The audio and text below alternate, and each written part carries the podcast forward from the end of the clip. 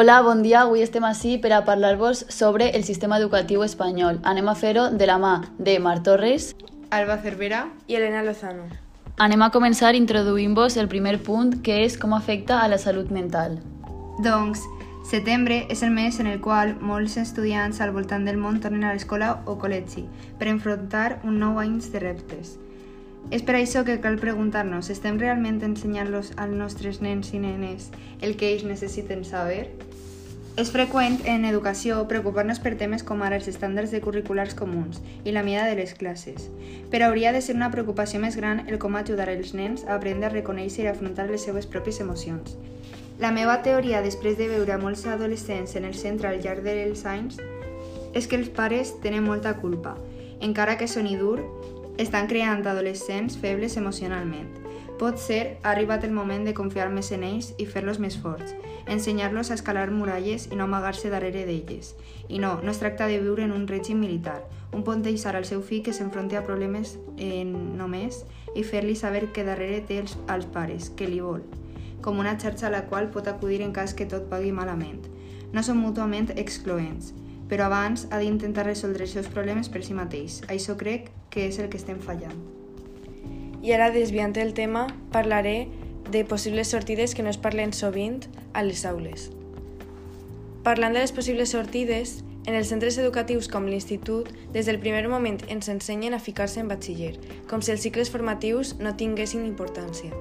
El major problema d'això és que la majoria de les vegades la societat ens pressiona a fer aquesta elecció per nosaltres i que si no tenim el batxiller no hi tindrem un futur digne.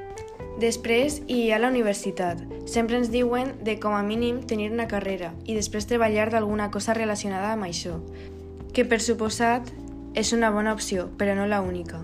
Hi ha moltes altres sortides que no ens ensenyen des de petits. Heus aquí un exemple. Així tenim a Omar Lozano, un antic alumne de l'IES Cabanyal. Hola, bon dia. Quants anys tens? Eh, ara tinc 21 anys. Qual és la teva experiència en l'institut? Bé, la, la meva experiència no va ser molt bona perquè al cap i a la fi el sistema educatiu no està ben fet, sobretot a Espanya, i al final se, et jutgen per coses que no tenen res a veure amb la vida real o, o tenen bastant poc a veure amb la vida real. Aleshores, com et guanyes la vida ara?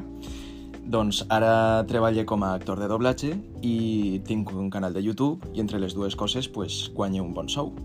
Voldries donar-li algun consell per als alumnes d'avui en dia? Simplement que sàpiguen que hi ha més eixides a banda d'estudiar o de triar les típiques carreres que sempre diuen que has de triar.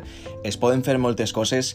Ara bé, si ho fas, has de fer-ho bé, has de fer-ho de, de manera que tu sàpigues que realment te pots guanyar la vida i que, i que és una cosa més o menys estable i que té futur.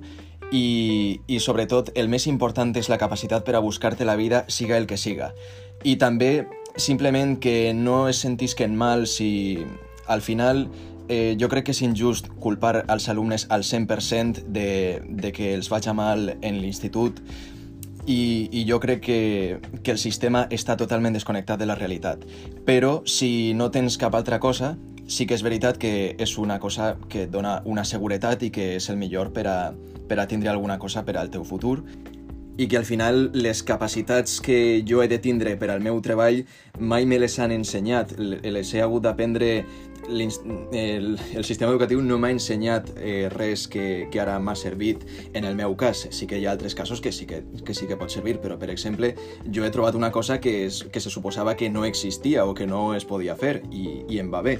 Així que simplement que, que la gent busque el que realment l'agrada i que, i que tinga futur i que es pugui guanyar la vida i que el, el que ensenyen a l'institut és una part molt xicoteta de la realitat i hi ha molt allà fora per a explorar. Moltes gràcies, Omar. A vosaltres.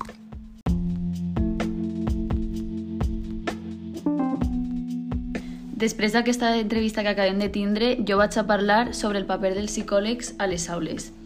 El paper del psicòleg el tenim com un paper irrellevant en els centres educatius, però és molt més important del que creiem. Requerim moltes vegades de la seva funció, ja que és l'única persona que pot ajudar els alumnes, supervisar la seva salut i la seva estabilitat mental. Altre punt molt important del que hi ha que parlar és els mètodes per a qualificar-nos. Tenim sempre com a via ràpida i fàcil i com a única opció els exàmens, els quals per descomptat ens ajuden però que continuen sent un sistema molt antic empleat majoritàriament com a l'única via de qualificació. A l'hora de fer un examen, els alumnes es memoritzen la matèria i després plasmen tots aquests conceptes en l'examen, els quals s'acaben oblidant perquè no s'arriben a assolir mai del tot. Per això, altres alternatives podrien ser els treballs orals, les exposicions o pràctiques que solen ser sempre més amenes per estudiar i aprendre. I com a últim punt a recalcar, els alumnes estan molt sotmesos a estrès i a molta responsabilitat tant dins com també fora del centre. Molts alumnes tenen apenes temps per a dedicar-li als estudis, ja que realitzen un altres tipus d'activitats fora com acadèmies, esports o conservatoris de música. Per tant, no cal sobrecargar-los a tanta responsabilitat. I per tant, com a conclusió, encara queden molts aspectes a millorar, els quals cal anar canviant a poc a poc per poder aconseguir un sistema més modern i menys monòton. I fins així aquest capítol sobre el sistema educatiu espanyol.